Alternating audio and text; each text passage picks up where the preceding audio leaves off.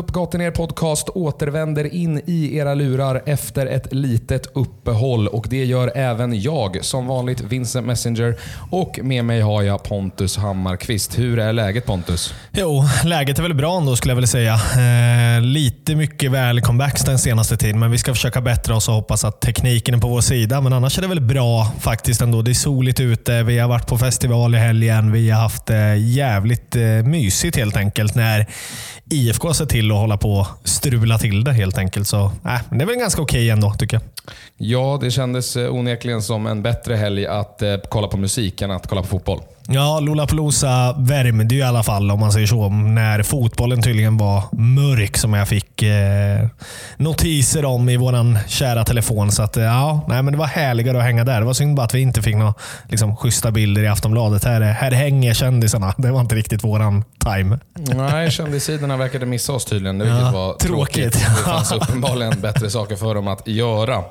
Verkligen. Men eh, fan ändå, trots eh, lite sådär halvsjaskiga eh, resultat och så vidare så eh, så är det väl ändå kul att återigen någonstans kunna snacka lite allsvenskan och lite IFK Norrköping.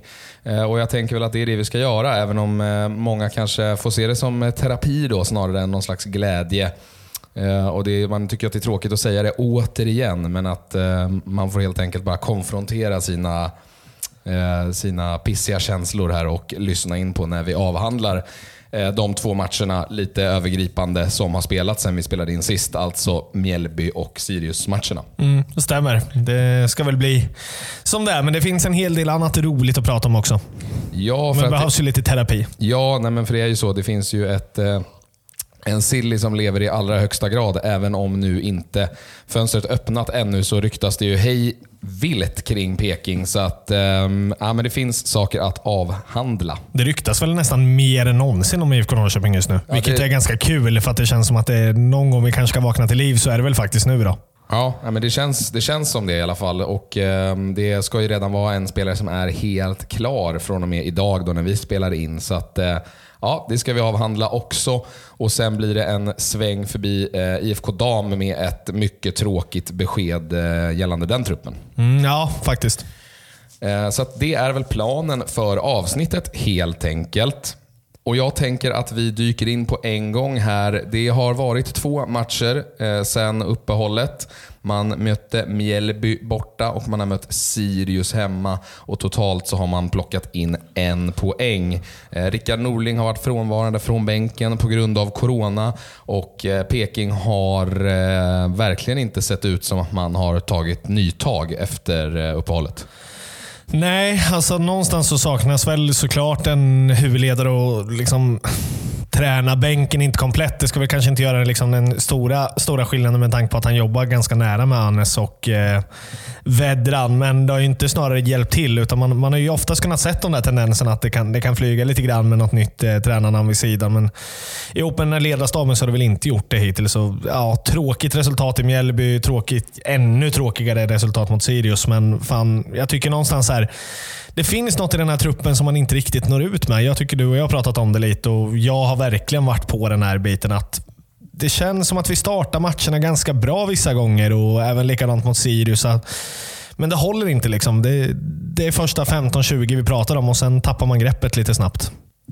Ja, du var ju på plats eh, nere i, eh, på Strandvallen, eh, Mjällby borta, där man ju spelade 1-1. Daniel Eid gav Peking ledningen, men den världens äldsta 18-åring, Silas eh, Nwanko, eh, kvitterade och gjorde att Peking inte fick med sig mer än en pinne.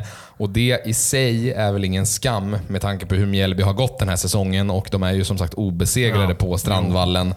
Ehm, men det är ändå lite förbannat sådär att man man landar lite i hur säsongen har gått hittills. Att man ändå känner när man ser Mjällby borta, Sirius hemma, Degerfors eh, liksom efter uppehållet. Att man tänker någonstans att om man tyckte att våren har varit lite halvtjaskig så har man ju tittat på de där matcherna och tänkt ja där kan man faktiskt ta tre raka och verkligen sparka igång så att man kommer in i andra halvan av säsongen med fart. Och Det har man ju inte gjort.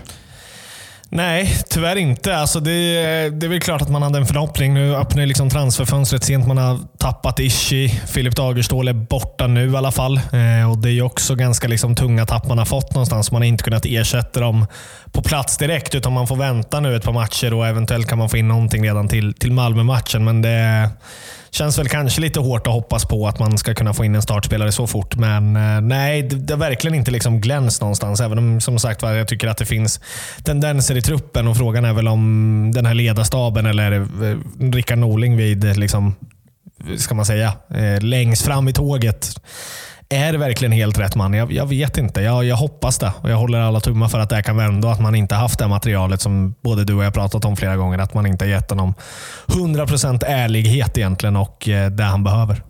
Nej, och Rickard Norling har ju varit frånvarande som sagt från tränarbänken i såväl den där 1-1 matchen mot Mjällby och den senaste matchen mot Sirius som man alltså förlorar 1-0 på hemmaplan. Och Den matchen är ju någonting helt annat än eh, Mjällby på förhand. Det är ju eh, totalt värdelöst att förlora 1-0 hemma mot Sirius. Ja, ja men det är jättedåligt och någonstans efter man inte slår i Mjällby heller om man tappar poäng, även om det inte är någon, någon liksom, kanske bottennapp som vi pratar om ändå med tanke på att inget lag har gått därifrån med, med tre poäng i hamn. Men eh, ja, alltså torsken mot Sirius är inte acceptabelt. Alltså så är det och det märks att föreningen och spelarna någonstans såklart backade ihop med supportrarna. Det är väl där någonstans det är skönt att vi står eniga. Eh, och att eh, Tony, Martinsson, Tony Martinsson och resten av laget vill, vill mycket bättre om man ställer mycket högre krav på sig själva. Och någonstans kanske man måste inse att vi är det vi är nu. Att vi inte är det här topplaget som ska, nu enligt Zacharias Mård, ska kriga om att vinna guld eller en topp tre-placering. Utan det, det är ju bara skrota, börja om och glömma den här sista halva delen av säsongen och försöka göra så bra resultat som möjligt egentligen.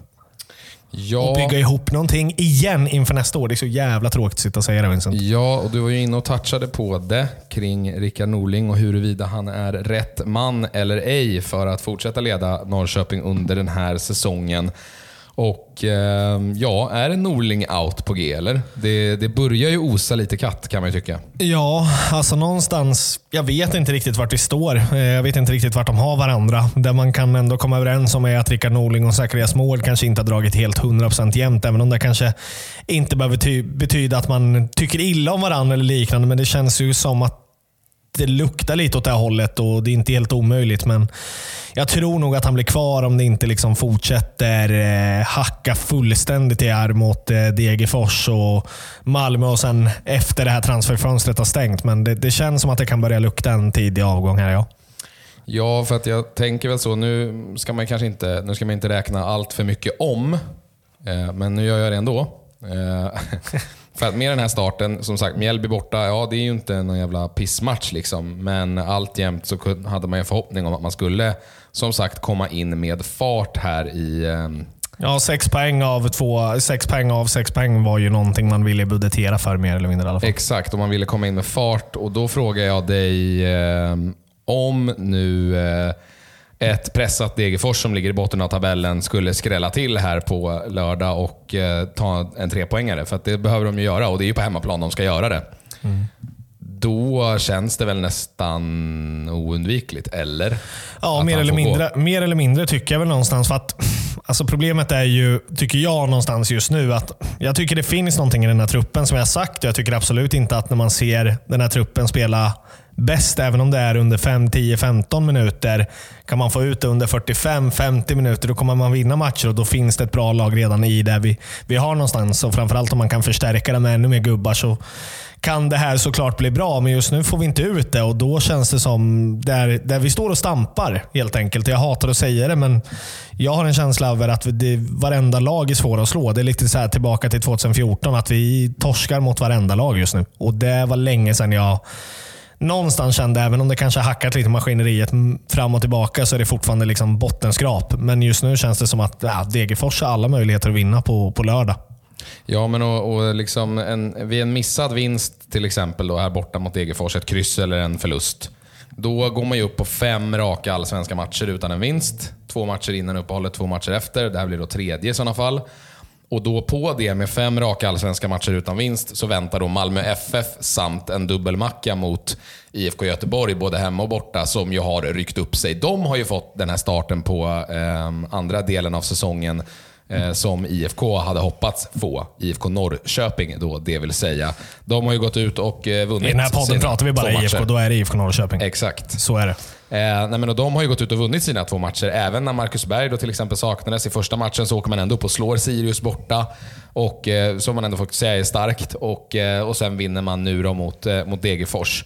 Och, och liksom har ju ett svung med sig. Och Det känns ju som att blir det inte en vinst mot Degerfors med det självförtroendet det kan inbringa så har man ju svårt att se att det ska plockas många poäng i de tre matcherna som följer efter det. Jo, men det är just lite det jag är inne på. Just nu känns det som att varenda lag liksom är... Det är tufft. Alltså, det känns som att varenda lag kan slå oss någonstans. Att vi, jag sätter oss typ inte just nu favoriter mot något lag som det ser ut för tillfället. Även om jag som sagt var känner att det, det kan växla ut och kan bli någonting. Men jag, jag är nog rädd att behöva erkänna nu, för jag har tyckt att vi har gett eh, Norling chansen. Han kanske inte har fått de här fönstren han har hoppats på, absolut. Du har varit inne på det lite grann, men alltså, ah, någonstans tycker jag ändå att man ska kunna göra det bättre med den här truppen i alla dagar i veckan. För att ett bottenlag ska vi inte behöva vara någonstans och det spelar ingen roll om det är eh, bättre eller sämre spelare. Rickard Norling ska kunna lösa det där och det är väl det jag är lite orolig för. att Om han inte får allting han vill ha, då kanske det inte riktigt klaffar för honom och då går det åt helvete istället. Utan han behöver verkligen de gubbarna han vill ha till 110 procent. Då, då kan det säkert funka, men just nu står han inte där och då behöver man tänka om och göra lite bättre av situationen. och Där eh, är det ju svajigt. Så som sagt, var, förlorar man mot eh, Degerfors borta mm, på lördag? Absolut att det är klart att det börjar lukta då. Det hade nog inte blivit förvånande om det händer, även om jag hoppas att det inte blir av på ett sätt för att jag vill se Norling vända den här skutan till någonting bra i framtiden. Ja, och jag kan väl tycka liksom att, vi har ju pratat om det här förut, men jag kan ju tycka att man har skött det här fel från första början egentligen. Sen man tog in Rickard Norling och, och valde honom som sin nya huvudtränare. Med den erfarenheten han har, eh, med de titlarna han har tagit och med det här väldigt särpräglade spelsystemet som han vill spela med och på det här väldigt speciella spelsättet som är relativt unikt för Sverige. Eh, så är det klart att han måste ha ganska exakt rätt pusselbitar. Det funkar inte med att bara ta in bra fotbollsspelare. De måste kunna pressa, eh, de måste vara dynamiska, de måste vara smarta och så vidare. och så vidare.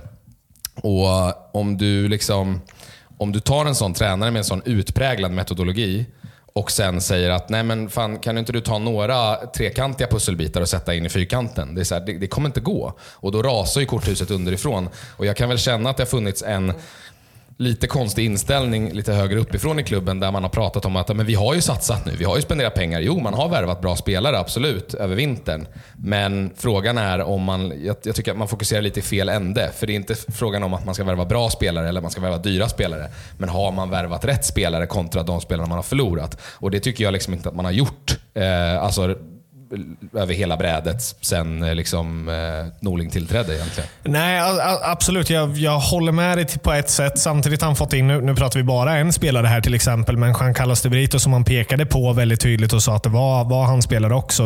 Med det, här, med det här sagt så vill inte jag såga Norling någonstans, för jag hoppas att det är, kan få skeppet att vända. Och De spelarna han har fått in har väl kanske inte presterat på den nivån man har hoppats på givetvis. Och det kanske, är, som du säger såklart, är svårt när man har eh, är en ny tränare med liksom nytt tankesätt i, i Sverige också. Men vad fan, jag tycker ändå Vincent att man måste kunna prestera bättre med det här laget. Jag, jag tycker ändå inte att det håller i slutändan. Att vi ska prata om att sitta, ligga 11 just nu, det tycker jag inte är acceptabelt ändå. Nej, absolut. Och det, det tycker jag någonstans landar huvud, stora huvudansvaret på tränaren vi har. Sen absolut, vad, han hade, vad vi hade kunnat gjort bättre om han hade fått den och di, dittan och dattan. Inte för de kanske dyraste pengarna, utan för de spelarna han vill ha. Men någonstans i slutändan så tycker jag ändå att det landar här. Jo, men om man då ska landa i att här, om det nu är en tränarfråga och att truppen är så pass mycket bättre än vad man presterar. Alltså var hamnar man då med en bättre tränare? Med den här truppen? Nej, men det, det är inte så att jag pratar om att vi kanske skulle vara nöjda med det, utöver det. Men någonstans bygga vidare på det. För att just nu så börjar vi bråka om om vi ska prata om att vi förlorar mot liksom Degerfors på lördag. Vi eventuellt har en dubbelmacka efter det. Eller ja, Malmö först och sen en dubbelmacka mot Göteborg och går inte tar en poäng där. Men alltså, då börjar vi prata om på riktigt att vi är med i bottenträsket. För det börjar vi nästan närma oss nu när vi pratar en elfte placering. Även om tabellen och poängen säger något annat. Utan då är vi bara mer räddade av just nu att det finns lag som är så jävla mycket sämre. Jo, jo, absolut. Men, men jag menar bara att som det ser ut just nu så ligger man ju eh, man ligger nio poäng från en tredje plats. Eh, det är eh, mer än halva serien kvar att spela. Eh, och Då tänker jag bara att så här, man, det är liksom, till exempel då, så är man ju bara fem poäng ifrån ett lag som Kalmar. Man är fyra poäng efter ett lag som Elfsborg. Um, och jag tror liksom inte att någon annan tränare skulle komma in och, och liksom nödvändigtvis göra så att den här truppen kommer före Elfsborg till exempel. Alltså, nej, eventuellt inte. Det, det, vet vi ju inte varken du eller jag, så det är svårt att sitta och svara på såklart. Men jag tycker men, inte att truppen är så bra. Jag, jag tycker att det jag finns sex att, trupper som är bättre i Allsvenskan. Ja, jag vet inte om jag håller med egentligen när man ser spelmässigt när vi väl kommer igång. Jag, jag tycker att vi har en ganska bra trupp och det ser jävligt bra ut under vissa tider av matchen. Problemet är, tycker jag, att de inte håller. Alltså den håller inte sett över ens en halvlek, utan det håller i, vi pratar ibland 5-10, men vi har pratat om 20, max 25 minuter där har sett bra ut om man inte gör mål. Att det är alltid hela tiden då någonstans att så här, gjorde vi mål under den här första 10, 15, 20, 25 minuterna, ja men då hade matchen sett helt annorlunda ut. Vi, vi kan inte handla om att vi hela tiden ska döda matcher tidigt. Det tycker jag är det största problemet, för jag tycker ändå att det finns en trupp i det. Det tycker jag. Som är bättre än det här.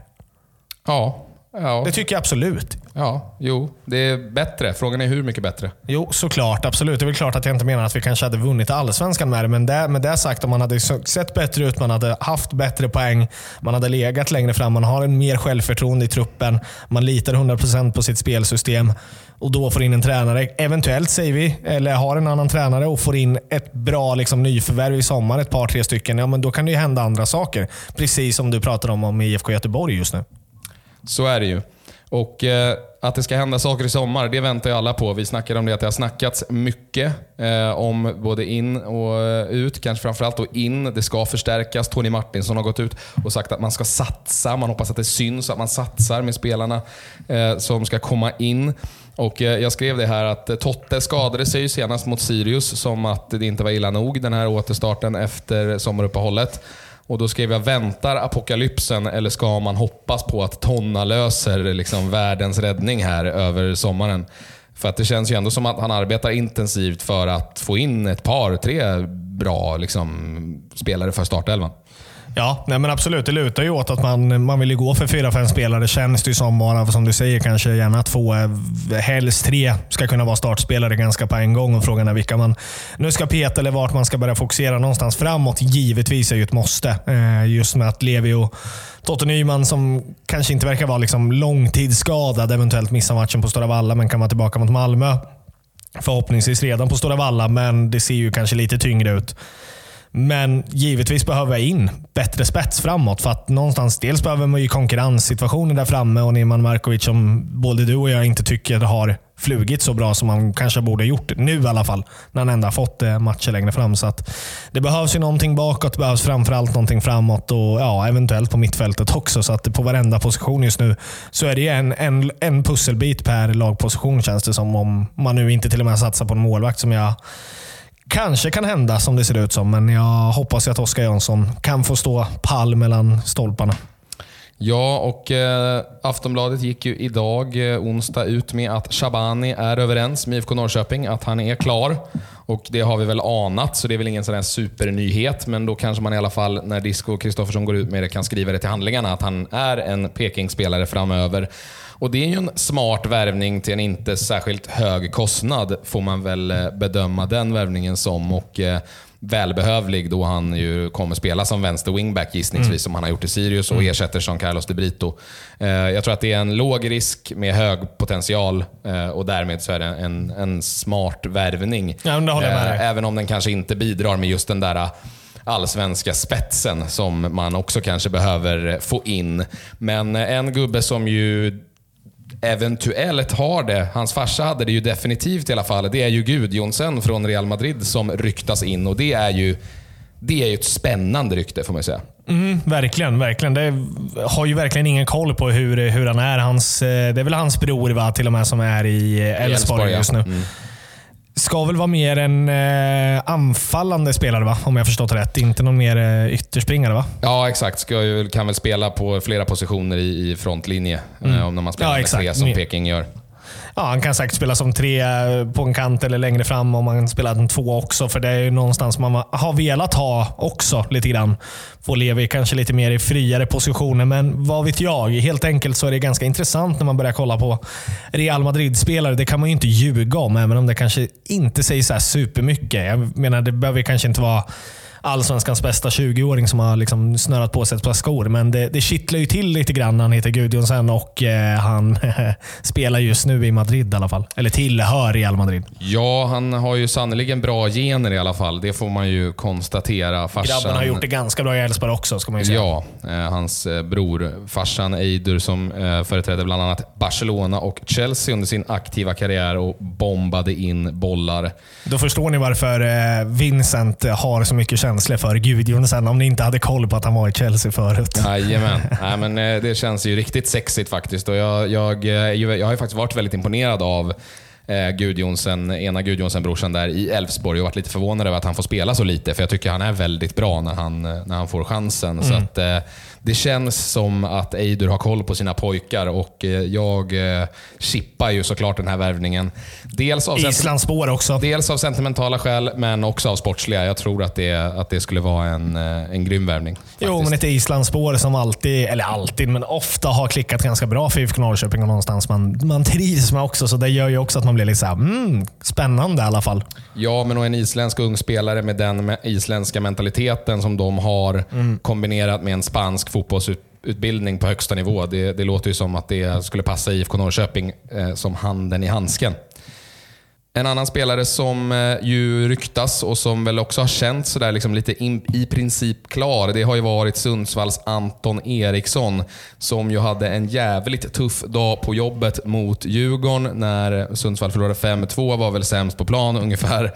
Eh, och många, såg att många Peking-supportrar sparkade lite bakut efter den matchen och kände att vad fan ska vi med det här till? Det är illa som det är i backlinjen och så vidare. och så vidare. Mm. Men... Eh, Förstår ju känslan spontant. Dock. Såklart, och, och även där kanske det är lite sådär, är det verkligen spetsen vi behöver just nu? Nej, det kanske inte är. Men eh, däremot så, så tycker jag inte att man ska... Jag tycker man ska sitta lugnt i båten. Det tycker jag han också. har hög potential, Anton Eriksson.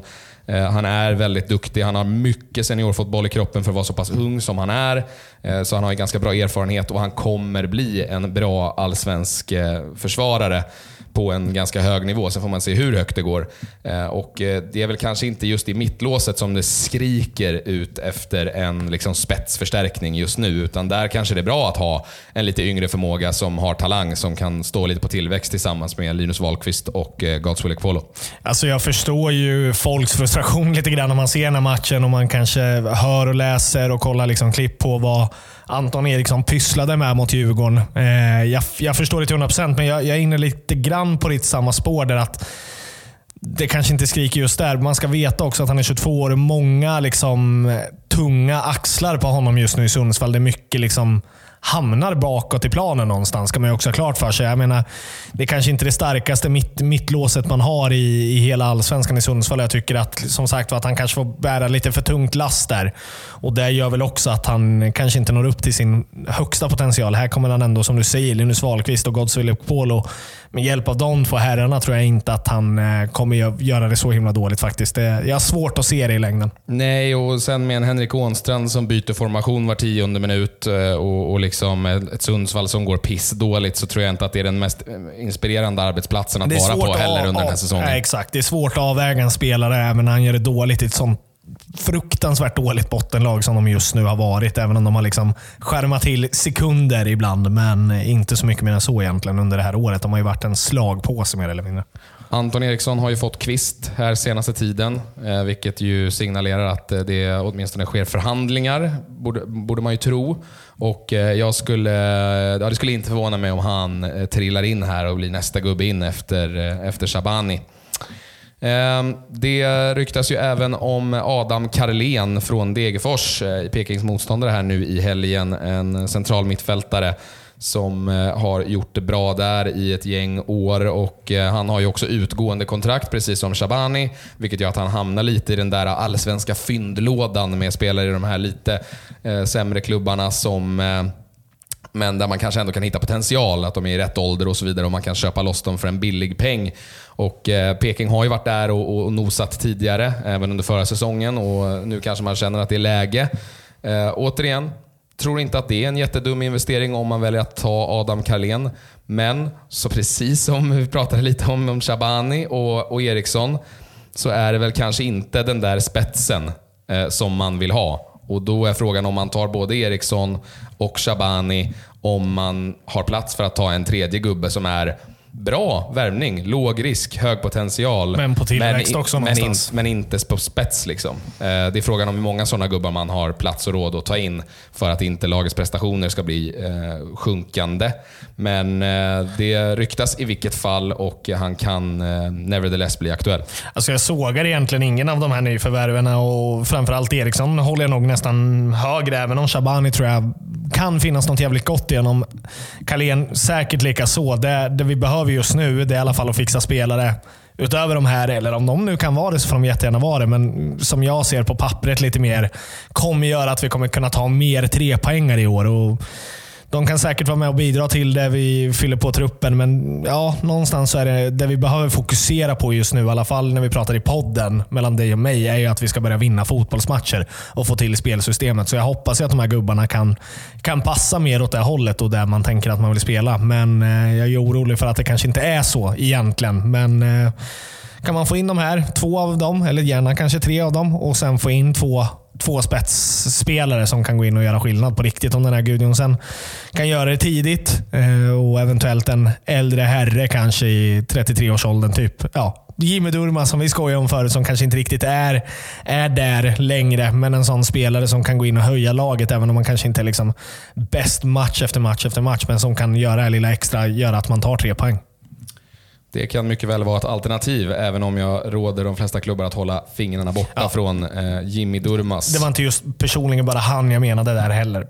Men eh, något i den stilen, ja. En annan gubbe som eh, har annonserat att han ska lämna sin klubb, det är Isak Pettersson som eh, har fått klart för sig att han inte kommer få spela den här säsongen heller och vill därmed lämna. Återstår väl att se om det är permanent eller på lån. Och Det får ju naturligtvis Peking-supportrar att eh, törsta lite då det ju faktiskt har varit perioder med eh, uttryckt missnöje mot Oskar Jansson. Och eh, ja du, Eh, det är frågan om det här kan bli aktuellt. Vad tror du? Ja, alltså alla har ju haft en hackkyckling genom åren när det gäller IFK Norrköping och vi har absolut haft det. Nu tycker jag inte Oskar Jönsson har varit det hos oss personligen någonstans för att jag tycker att han har varit ganska svår att bedöma även om han inte har stått för de här liksom superräddningarna varenda match som Isak Pettersson kunde göra så har han släppt in mycket mål som jag tycker är svårt att hänga någon för också. Så att jag tycker han har fått, blivit lite den här hackkycklingen för mycket. Men med det sagt, jag är ju dunderkär i Isak Pettersson när han spelade i IFK Norrköping, så jag hade väl såklart inte haft någonting emot att ersätta eller sätta konkurrenssituation på Oskar Jansson någonstans. Men det är ju två kanske för bra målvakter att vara, ha på kvisten, så att säga.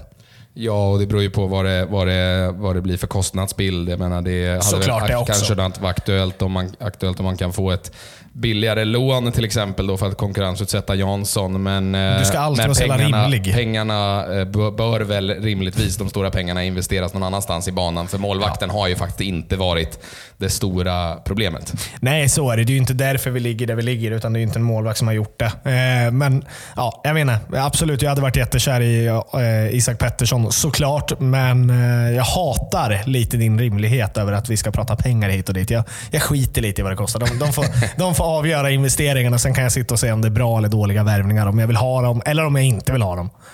Ja, men det är väl ett härligt... Liksom, Sen kan jag eh, fatta att Leo Messi kanske, att vi kan ändå halka in där. Att, så här, ja, men det kan bli lite dyrt kanske. Jag vet inte. Ja, nej, men det är väl härligt att du har en sån liksom, barnslig entusiasm kring transfermarknaden. Jag tror att det gör det nog säkert att du tycker att den är roligare än vad jag tycker att den ja, är. Exakt. Ja, jag älskar den ju på ett sätt. Och hatar den i andra sekunden också. Så att. I eh, utspåret så eh, var det ju snack här i dagarna kring att Hammarby hade hört av sig angående Jonathan Levi. Eh, där Jonas, Ska de ge fan i? Ja, möjligheten att ta honom undersökte man tydligen och där ska man ha fått ett klart besked om att eh, Levi vill utomlands. Och eh, på sättet som jag läste det, så även om det inte då eh, blir någonting här inom Allsvenskan, så signalerar det ganska tydligt Eh, han har ju uttryckt missnöje tidigare också i pressen.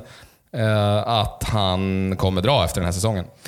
Ja, nej men det är väl ganska väntat tyvärr. Eh, han har varit ärlig med det och jag, jag, gillar att han ändå är det någonstans. Eh, tråkigt såklart att känslorna är där. För att hela IFK Norrköping, eller hela IFK, alla supportrar i den här stan älskar Jonathan Levi med, med all respekt och det gör jag också. Så att, Gärna vill jag ha kvar honom, men jag förstår honom 100% att han ja, dels vill utomlands i den åldern han är, men framförallt kanske för att jag tror att han är i den situationen i IFK Norrköping där han nog inte längre just nu stormtrivs efter förutsättningarna och det, det som händer på, på planen och runt ledningen. Så att, med det, all respekt till Jonathan Levi. Jag hoppas att vi kan komma med en lösning och vi kan lösa det här transferfönstret bra och att kanske han känner att han vill gärna vara kvar och ja, eventuellt spela upp IFK Norrköping med mot toppen 2023 blir det väl då.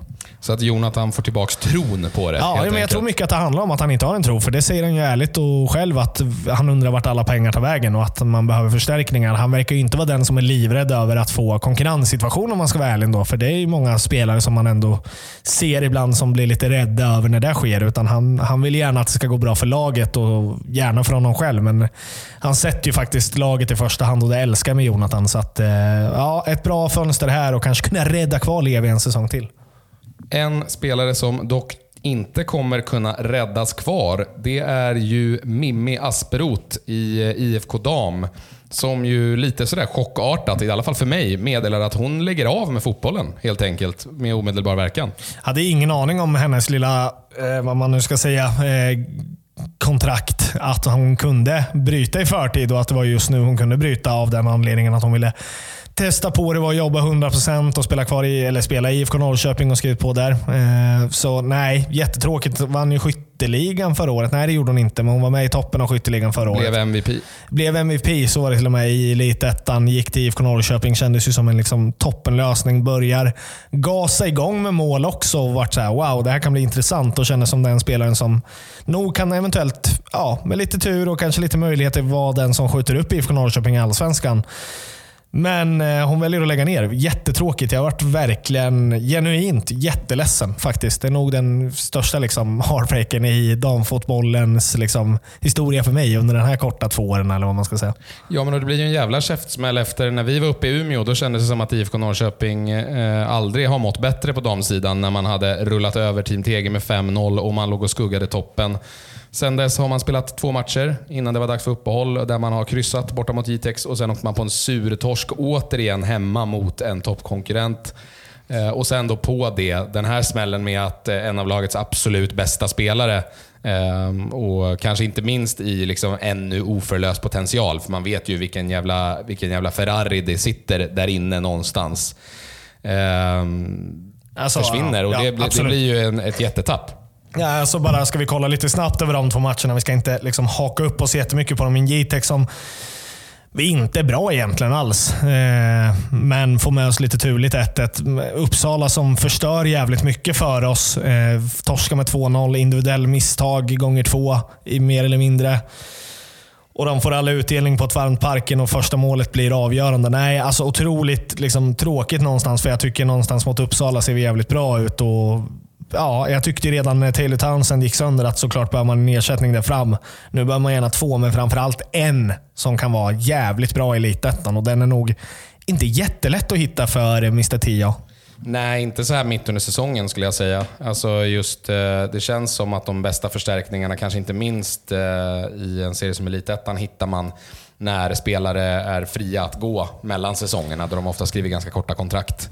Så att, eh, det, det kommer vara svårt att lösa mitt i säsongen och det är någonting för Theo att fila på direkt med tanke på att man återstartar på nästan tuffast möjliga vis när man möter eh, Allingsås borta.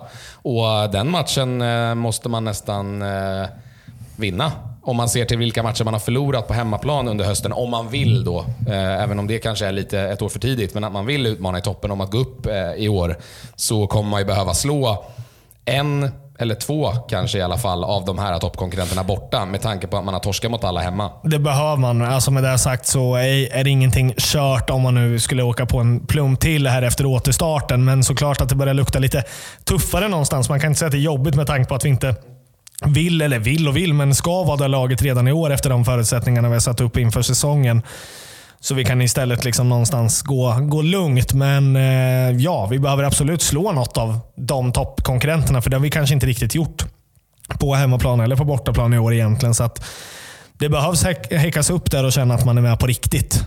Och Det hade varit jävligt viktigt då, vill sägas, för truppen att man slår Alingsås borta. För att Alingsås hemma var vi bättre än och det är Mimmi Asprot som får ett rött kort. Och, ja, det var ett jävla tråkig match med tanke på att man borde vunnit där. Ja, men och... Så att Alingsås vill man ju verkligen piska dit känns som. Ja, och oavsett om det kommer in en förstärkning nu i sommar så blir det ju återigen, vi snackade inför säsongen om att det var jättebra att man har fått in konkurrens och lite mer krut i frontlinjen i form av Taylor Townsend och Mimmi Asproth så att inte allt hamnar på Lovisa Gustafssons axlar igen. Och sen halvvägs in på säsongen så står vi här igen. Där det är Lovisa som ska bära hela skiten. Nej, så är det. Alltså, jag tycker att hon har stått upp jävligt bra för det under hela året. Det märks att hon är den spelaren. Jag tycker att hon visar eh, även i år att hon kan, kan fortsätta vara där. Men ja, det, det är klart att hon behöver lite hjälp vid sidan om också. Ja, nej, hon är ju en, en riktig toppspelare och det, det kommer eh, återigen vara stor tyngd på hennes axlar eh, när det drar igång igen efter uppehållet. Vilket eh, hon säkerligen kommer klara av, men jag kände ju nästan att hon hittade eh, ytterligare en nivå på grund av all den här konkurrensen. Och Man kan hoppas att hon fortsätter hålla uppe den, den höga prestationen hon har haft. För att jag skulle nog säga att den här våren är ju en av hennes absolut bästa hon har haft i Norrköping.